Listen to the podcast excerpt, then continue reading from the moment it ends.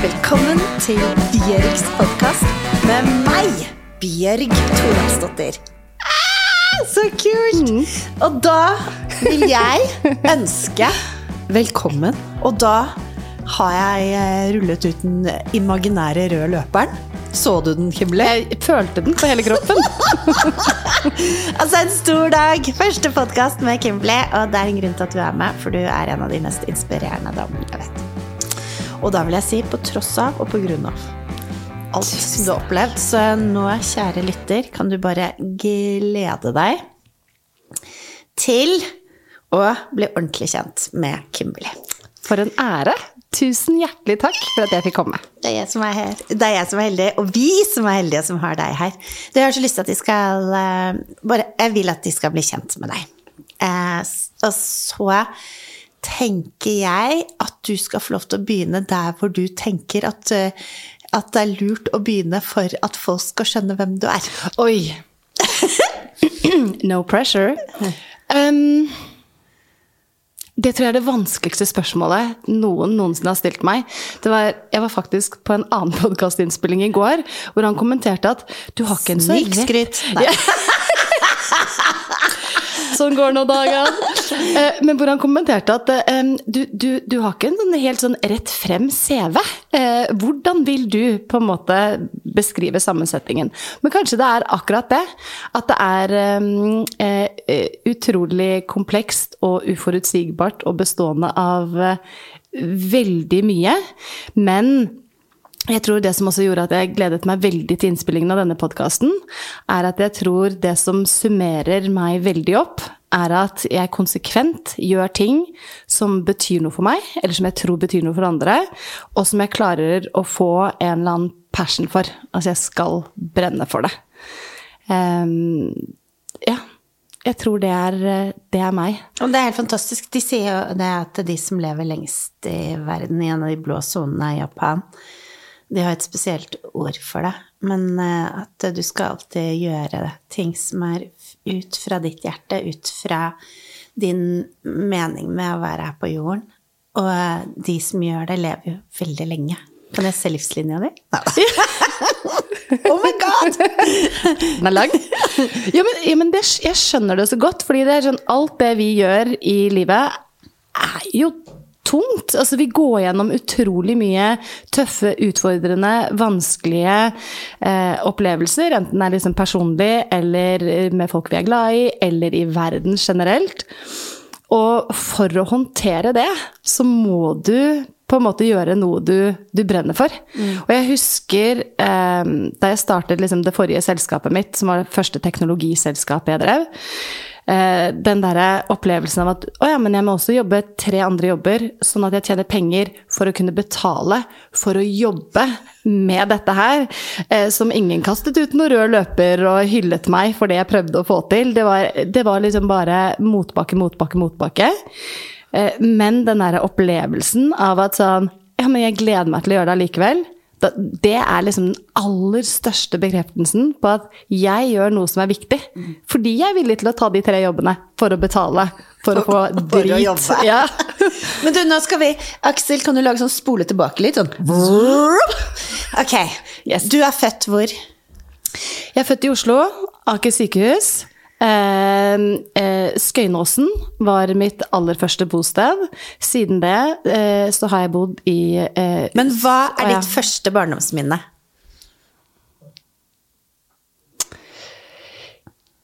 Jeg tror mitt første barndomsminne, som kan være et falskt minne, for det kan hende jeg har sett det på TV, nei, på, på, eh, i fotoalbum, men det er en sånn indianerutflukt inne i skogen med barnehagen min. Da bodde vi sikkert i England. Hva er grunnen til at dere flyttet så mye? Det var eh, eh, fordi moren min jobbet eh, som modell, eh, og hadde muligheten til å jobbe rundt i masse land. Og så møtte hun etter hvert min stefar, som jobbet i olje. Og da flyttet vi videre rundt. Og så eh, tror jeg det bare passet veldig godt med meg og min sult på opplevelse, opplevelse, opplevelse. Møte, møte nye mennesker, få sånn ordentlig innblikk i nye kulturer. Så jeg liksom fortsatte det. Eh, Så etter barndomsflyttingen rundt omkring, så fortsatte jo jeg å flytte. Og hadde sønnen min på slep, og vi bodde i Thailand, og vi bodde i England, og liksom levde verden. Eh, men hva er det som gjorde at du har fått den kraften i deg fra barndommen? Hva tror du det er som har At du har en sånn spesiell kraft som veldig få har? Altså, man merker med en gang man kommer inn i et rom, så er det akkurat som den kraften bare smitter over på alle oss andre. Hva tror du den kraften kommer fra når du Det må jo ha vært ganske tøft å skifte skole så ofte og hele tiden måtte som en nomade, nesten. At du hele tiden må tilpasse deg, og så bare komme inn og så bare Ok, hva er min verdi her? Hvor, hvordan skal jeg liksom klare å passe inn i flokken? Ja, jeg tror, jeg tror faktisk akkurat den der nomade passe inn i flokken um, Jeg tror det var mer utfordrende den å bli enn å komme inn i. det, det, det, likte jeg alltid, for det var alltid så mye spenning knyttet til det. Kanskje litt sånn adrenalinjunkie allerede da. Men det var jo masse andre ting som var eh, utfordrende med, med hvordan jeg vokste opp. Og jeg tror Hva var det? Um, vi, hadde, vi hadde et uh, komplisert familieforhold, og vi hadde noen sykdom, uh, sykdom i veldig nær familie som også Hva slags type um, sykdom? Det er litt vanskelig å si for mye om uten å utlevere på en måte de, de jeg er glad i, men, men, noe som på en måte tæret veldig på, på familie. Eh, og mm, det var litt vold og ting som gjorde at det var utrygt for meg å være hjemme. Um, men, men, så hadde jeg på en måte Det, det er en sånn kombinasjon, da. Uh, fordi det, alt det som gjorde at jeg hadde det uh, vanskelig hjemme det, uh, det, er jo alltid på en måte Én ting er situasjonen du lever i, men det andre er jo hvordan du selv er rustet til å håndtere det. Og gi akkurat på en måte de type verktøy og egenskaper til å håndtere vanskeligheter, det var jeg utrolig dårlig på. Sånn at mine valg gikk heller til sånn ja, men da rømmer jeg hjemmefra, eller da ruser jeg meg, og så skulker jeg skolen, og så slåss jeg, og så havner jeg i feil gjenger. Og, det ble en sånn voldsom spiral eh, nedover. Eh, og havnet inn og ut av ungdomshjem. Eh, og det var kjempevanskelig. Og så var det jo til slutt jeg som skapte de største utfordringene for familien min. Mer enn det vi på en måte sto i fra før av. Men så har du på en måte den andre siden av det, var at jeg hadde jo vokst opp med eh, gode rollemodeller. Jeg hadde vokst opp utrolig privilegert med å se f.eks. moren min gjøre umulige ting for seg selv, enten det handlet om liksom jobben eh, hun gjorde, hvordan hun på en måte eh, insisterte på å ikke gå ned i vekt, selv om hun jobbet som toppmodell i Paris. Det var, det, var, liksom mye sånne eh, ting. Eller det å ha en sånn umulig jobb mens du har eh, små barn. Eh, jeg hadde folk rundt meg som gjorde spennende ting, og, og, det ga meg en, et større verdensbilde enn mange, da. Sånn at du, du vet et eller annet som er, er mulig. Og så tror jeg at den kombinasjonen av å ha opplevd ufattelig vanskelige ting eh, og stått liksom i den dypeste dritten, sammen med at man har fått et innblikk i at det finnes fantastiske, spennende ting man kan gjøre der, den kombinasjonen er den mest verdifulle erfaringen noe menneske kan ha. Fordi har du de to sammen, så blir du vant til at nei, men det umulige, det er ikke så umulig. Eh, og, og ja, dette er vanskelig. Nei fra en investor. Det er litt sånn whatever. Eh, vært gjennom ganske mye verre ting enn det. Begynner å se liksom verden eh, formet bare på en helt annen måte. Jeg kan bevege meg helt andre måter enn andre kan, fordi mitt verdensbilde er bygget opp av en helt annen sannhet. Og det er jo da muligheter virkelig, virkelig åpner seg. Herregud, for et fantastisk svar. Jeg ble så inspirert.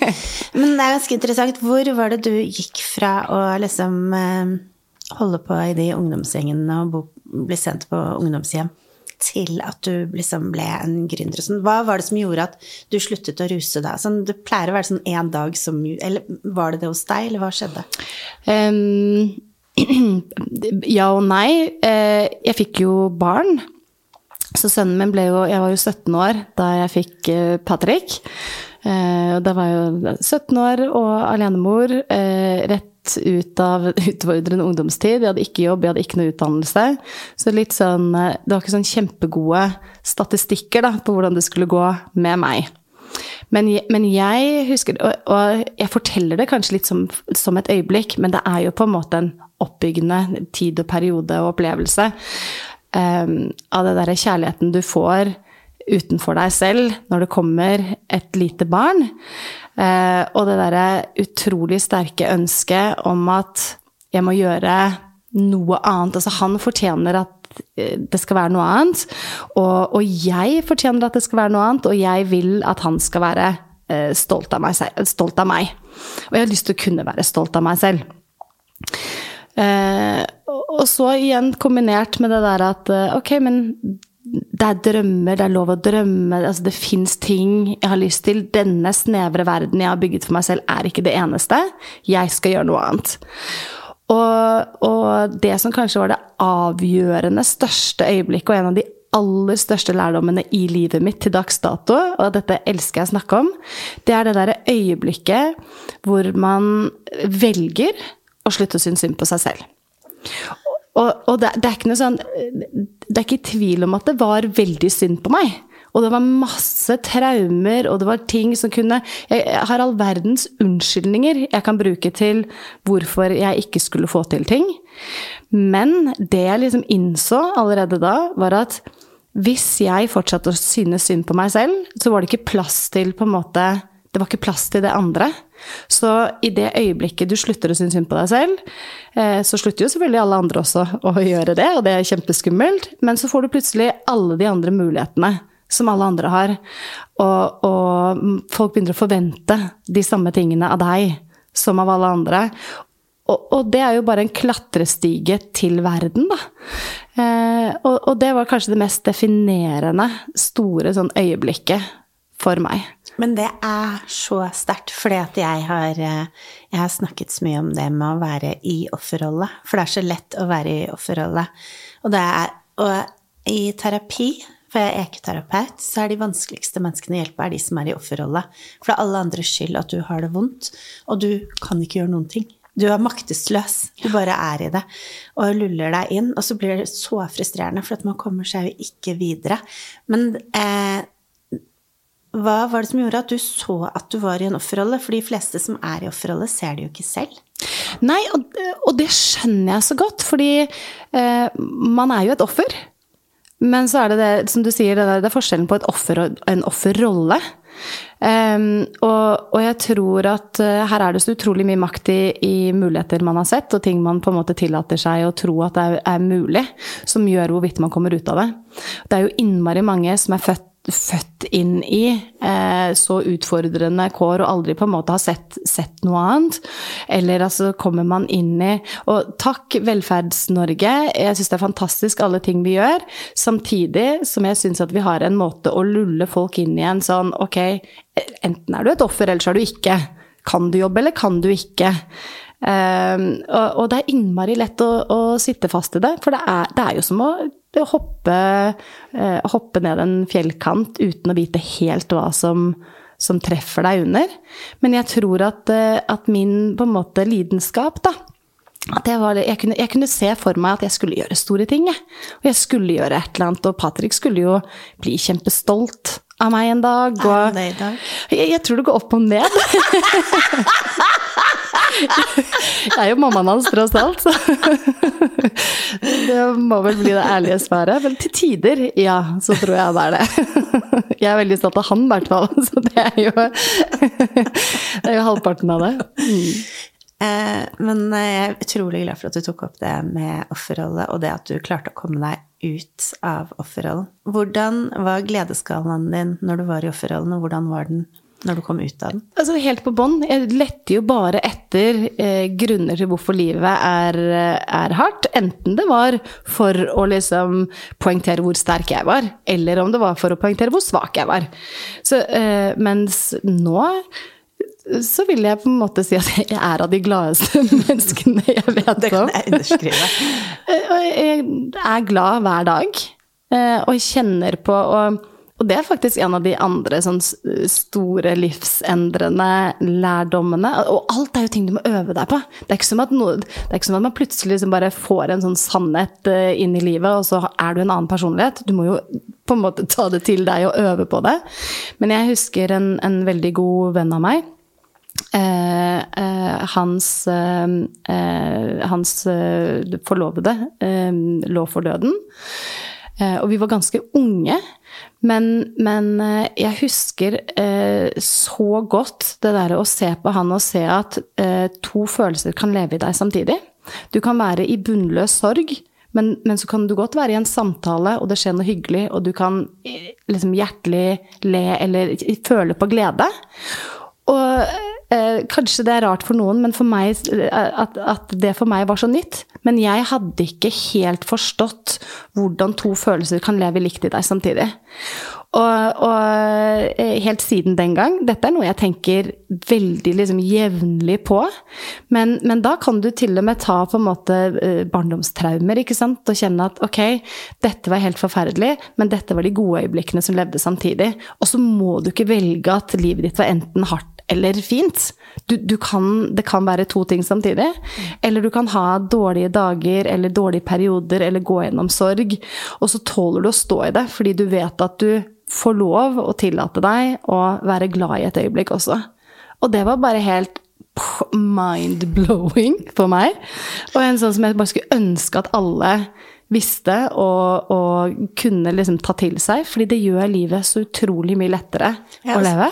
Jeg fikk sånn bilde i hodet mitt da du sa det. Og det, var, det hørtes litt ut som at du liksom levde på 50-tallet og bare hadde sånn svart-hvitt-TV som skurra litt.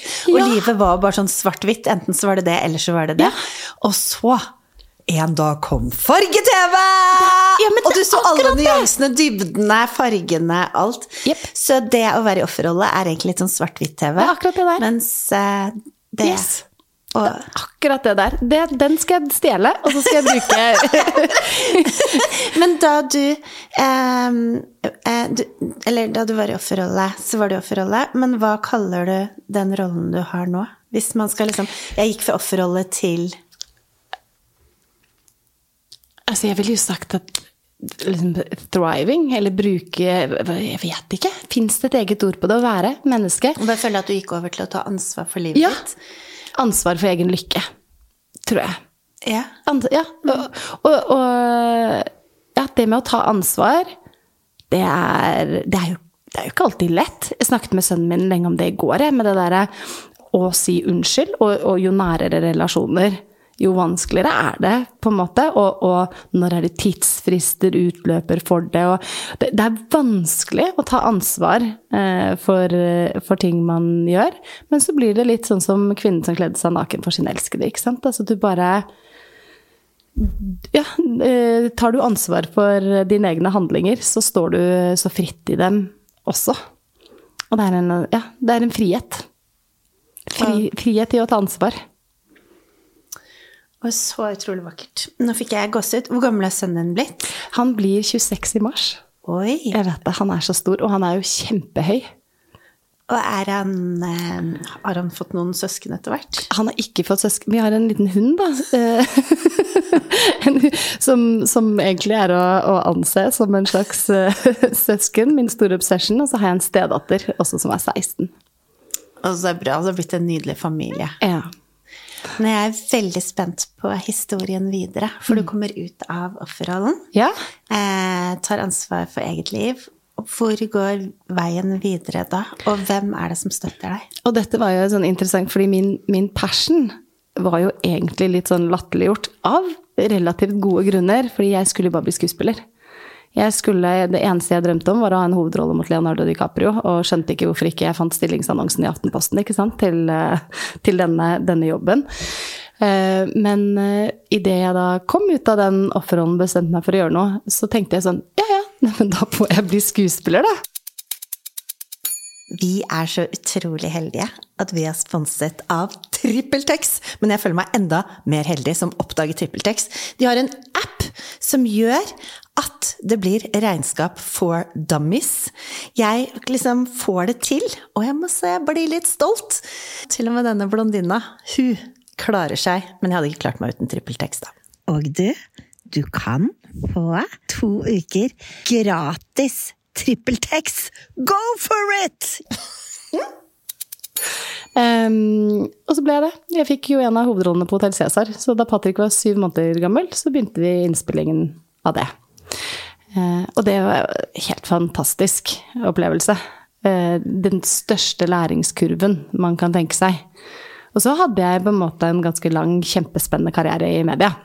Så jeg gikk jo derfra til å være programleder, gjorde mye live-TV, reporter, hadde liksom regi på ting, Hvilke manus. Var det du Jeg var på TV 2, og så var jeg på Metropol Live, for de som husker det.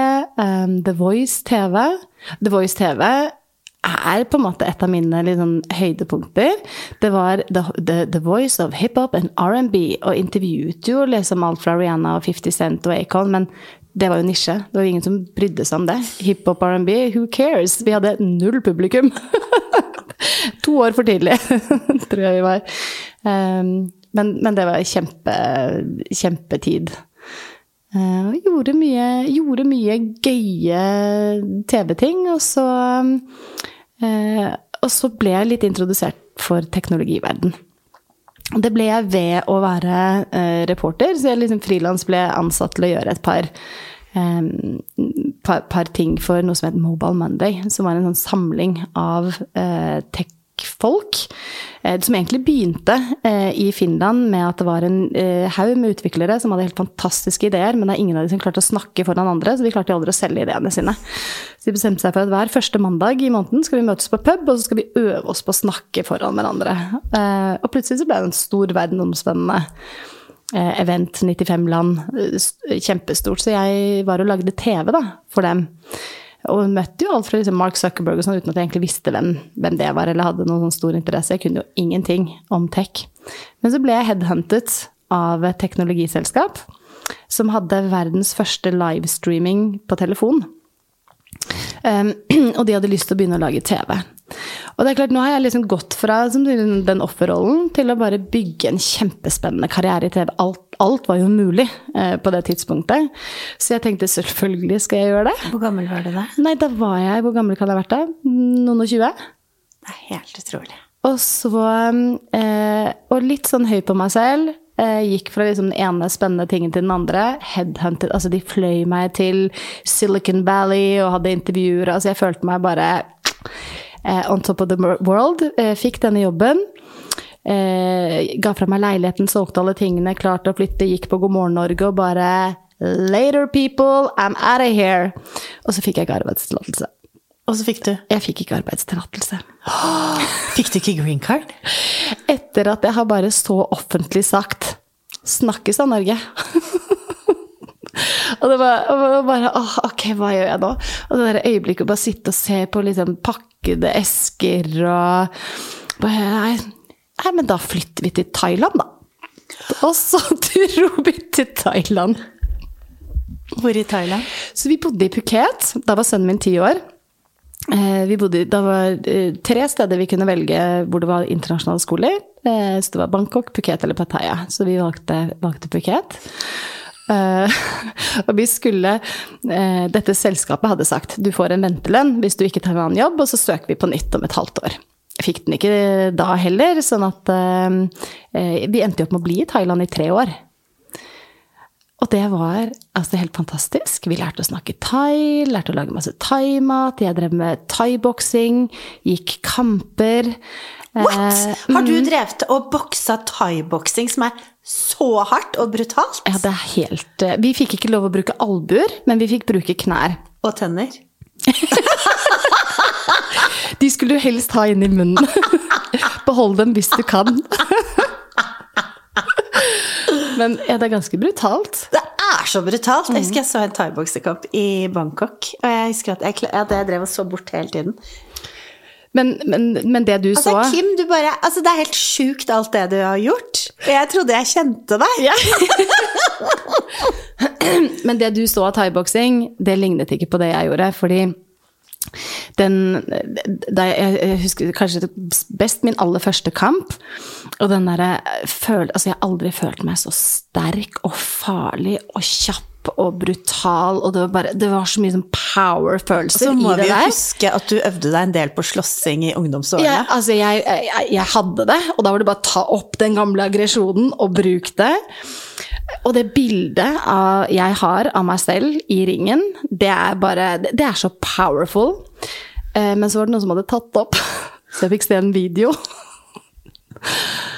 Å, Bjørg, det ser, det ser ut som to snegler som går og dytter litt på hverandre. Og det var så flaut. Og kontrasten til da min følelse, og hvordan det så ut Ikke det samme. Så, ja. Men fortsatte etter det, eller? Ja da, jeg bestemte meg for at eh, det beste er å beholde følelsen og håpe at ingen filmer. Ve- Veldig bra. Elsker hvordan du tenker. Men, eh, men så ble jeg etter hvert litt sånn klødd i fingrene igjen etter å, å gjøre noe mer, og det var liksom kreativ industrien som jeg alltid hadde det er jo der jeg hadde vokst opp, det er det eneste jeg egentlig noensinne var interessert i. Eh, Så jeg tenkte jeg søker meg tilbake på filmskole. Eh, Gjorde det. Eh, Sendte en, så det, og bare det å skrive den søknaden var liksom kjempespennende. Bortsett fra at, eh, vet du hva jeg gjorde? Jeg stjal noen bilder som sønnen min hadde tatt, fordi de var så bra. Så tenkte jeg, sende med det. Så kan hende at det var han som egentlig kom inn på filmskolen. Um, men da flyttet, eh, flyttet vi Da tenker du lagde sønnen din. Det er det jeg også tenker. Meta. Ergo, ja, så på en måte har du tatt de bildene? Alt det min sønn lager, Ja. er kanskje da litt Ja. mitt. Ja, det kommer jo i utspring fra ditt kjød. Dette skal jeg passe på å fortelle ham. Altså Når sønnen min sier nei øyeblikk. til å gjøre ting, så sier jeg bare du veide fem kilo, og jeg fødte deg. Du kan ta den oppvasken. Det funker hver gang! Han veide fem kilo! Ja, altså Det er payback resten av livet hans. Virkelig. Men vi skulle tilbake til filmskolen. Ja. um, men um, Ja, og begynte på filmskolen. Kjempespennende, kjempeinspirerende. Jeg var jo høggammel. Hvor gammel kan jeg ha vært da? 30, noen og 30. De andre var jo kjempeunge og bare så flinke på alt, og så kreative. Og de, altså, det var helt uh, utrolig mye flinkere enn meg de var. Um, men det som inspirerte meg enda mer, var at uh, det var et problem som ble så åpenlyst for meg. For da hadde jeg jobbet eh, Jeg hadde liksom blitt ansatt som frilanser hundrevis av ganger. Jeg hadde ansatt frilansere hundrevis av ganger. Og så kom jeg på, på filmskolen, så oppdaget jeg det derre Det var noen av lærerne som sa sånn Well, if you work really hard for free as a runner for 10 years, you might be able to focus pull on Harry Potter. Så jeg liksom Hvordan kan du ta en utrolig dyr og lang utdannelse og fortelle folk at men du kommer ikke til å kunne tjene penger eller klare deg i denne industrien. Når jeg samtidig har jobbet i en bransje som aldri har på en måte eh, eh, produsert og trengt mer innhold enn det de gjør akkurat nå. Eh, så for meg så var det helt sånn Her er det et eller annet som er feil. Denne industrien har eksplodert. Behovene er helt enorme. Og allikevel så har du fantastiske kreative frilansere som går fra å være liksom et eh, stort globalt filmprosjekt til å være arbeidsledig resten av året. Og det, bare, det gir ingen mening. Eh, og så hadde jeg jo liksom luktet litt på teknologi. Så jeg tenkte pff, hvor vanskelig kan det være å bygge en teknisk løsning på dette? Eh, naivitet, ikke sant? Og litt sånn overmot. Det- Det var, jo, det var jo helt jævlig vanskelig, viste det seg. Men jeg droppet uansett ut av filmskolen og tenkte nå skal jeg satse på dette. Eh, Så det første jeg gjorde, var eh, å ringe en venninne som jeg følte at jobbet i teknologi. Hun er designer. Og så ringte jeg og sa sånn Du, nå skal vi endre verden. Eh, Jeg skal bygge denne plattformen som skal gjøre det så mye enklere å kjøpe og selge kreative tjenester. Kan du bygge det for meg? Så han sånn, mm, jeg vet ikke om du helt skjønner hva jobben min er. Eh, og, men altså, har du UI, har du UX, UX har du liksom Jeg bare mm, mens jeg satt og googlet hva er UI? hva er UX? Det var det nivået vi snakket om. Herregud, vi er så like. Tenkte ja, men det kan da ikke være så vanskelig. Ja. Og så lærte jeg å lage businessplaner og tegne Det beste som fins, er å være virkelighetsfjern. Det er helt fantastisk! For da aner du ikke alt som kommer til å møte deg. Hadde du gjort elsker det. noe av det du gjør i dag, hvis du hadde visst hva det ville koste deg? Gal! Aldri! Hvis jeg hadde visst hva Jeg hadde ikke trodd at jeg hadde klart det. Hvis jeg, jeg elsker at jeg er virkelighetsfjern. Ja, men så fortsett. Ja, for det er det beste karrieretipset. Vær virkelighetsfjern, vær naiv, og sett i gang med ting. Men du må Og også ikke gi deg. hjertet. Og når noe er Nettopp. feil, slutt. Sånn som du droppet ut av Nettopp. fellesskolen. Nettopp. Eh, ja, og så fikk vi til slutt måte litt hvordan, hvordan henter du penger uten å ha et team, eller hvordan klarer du å få team når ikke du har penger, og det var utrolig mange uh, ting man måtte finne ut av og lære seg, men så mm, fikk vi det på en måte til, da. Han ble den største i Norden ganske fort, med 70 000 med, liksom, aktive medlemmer eh, veldig, veldig fort. Eh, men vi klarte jo aldri å tjene penger på det. Eh, det. Det var liksom fortsatt ting vi ikke hadde lært, men allikevel den derre eh, opplevelsen av å se at du kan løse problemer for store eh, mengder med mennesker ved bruk av innovasjon, ved bruk av teknologi, det var det største crack jeg noensinne har opplevd. Altså, det er en avhengighet der. Jeg tror aldri jeg kunne gjort noe annet enn det. Teknologi og innovasjon eh, for å skape ting bedre, best i verden. Så hva gjør du akkurat nå? Teknologi og innovasjon. Jeg hadde det selskapet, eh, den markedsplassen for kreative. Jeg var på en sånn akselerator i Silicon Valley. Og eh, der var det en eh, som holdt en sånn founder talk. En utrolig inspirerende, spennende mann som hadde fått til så fantastisk mye. Eh, og så klarte partneren min og jeg å lure han med på en sånn naturvinfestival i San Francisco, og fikk han til å signere på sånn advisory board på en serviett og hele den eh, runden. Ehm, og så jobb, endte det med at jeg liksom jobbet kjempetett med han, som ble styreleder i selskapet. Og, og så fra 2016 eh, Lasse heter han. Og han har bygget tidligere et av verdens største sånn identity-selskaper. Altså veldig, veldig vellykket entreprenør. Um, og vi oppdaget at vi hadde en sånn kjempedelt passion på sånn hvordan kan vi leve bedre kombinert online og offline.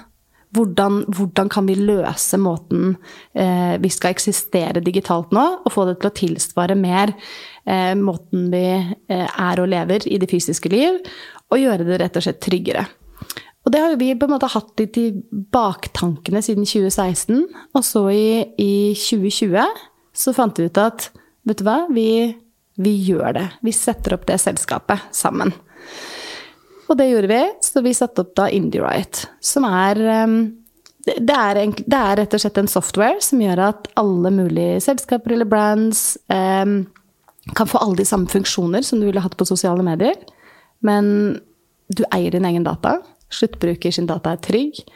Uh, Du får den innsikten du trenger, du får den verdien du trenger. Du kan skape brukerreiser uh, på en måte som er uh, til det beste for ditt publikum, og ikke algoritmebasert.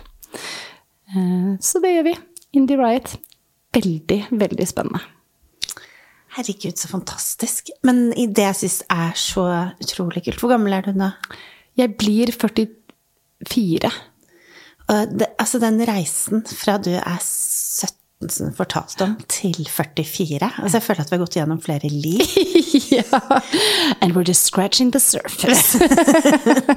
Men de tingene som du eh, bruker i dag, hver dag i jobben For det jeg pleier å si liksom at eh, man går liksom Man føler at man går mange omveier, men når du When you join the dots, så ser man plutselig at alle de omveiene du gikk, at de på en måte gjør at det bildet du har i dag, er kommet Sånn som det at du spilte i Hotell Cæsar.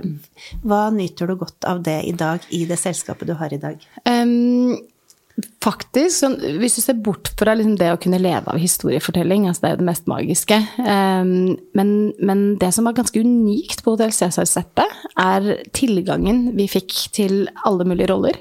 Sånn at det å, å få lov å sitte inn og se på hvordan alle andre jobber, um, og, og, skape en åpenhet og transparency, det har jeg tatt med meg. Det, det er viktig i måten, uh, måten vi jobber.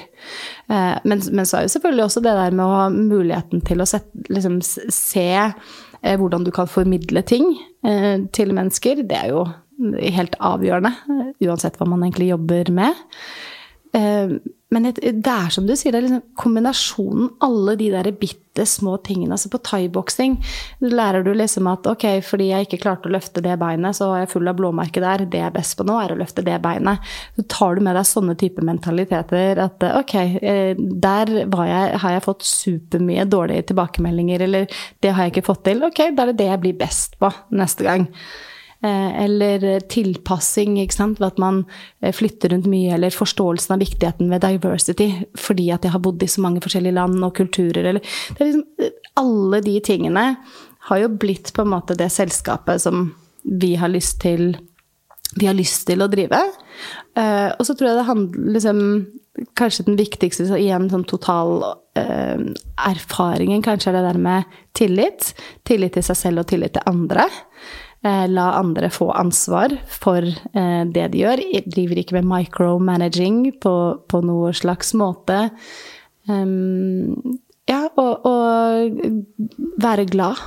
Altså, vi kan ha dødsdårlige dager eh, med at ting er vanskelig, man kanskje mister en kunde, eller fikk ikke den investeringen man ville, men vi velger å likevel på en måte ha det bra med hverandre.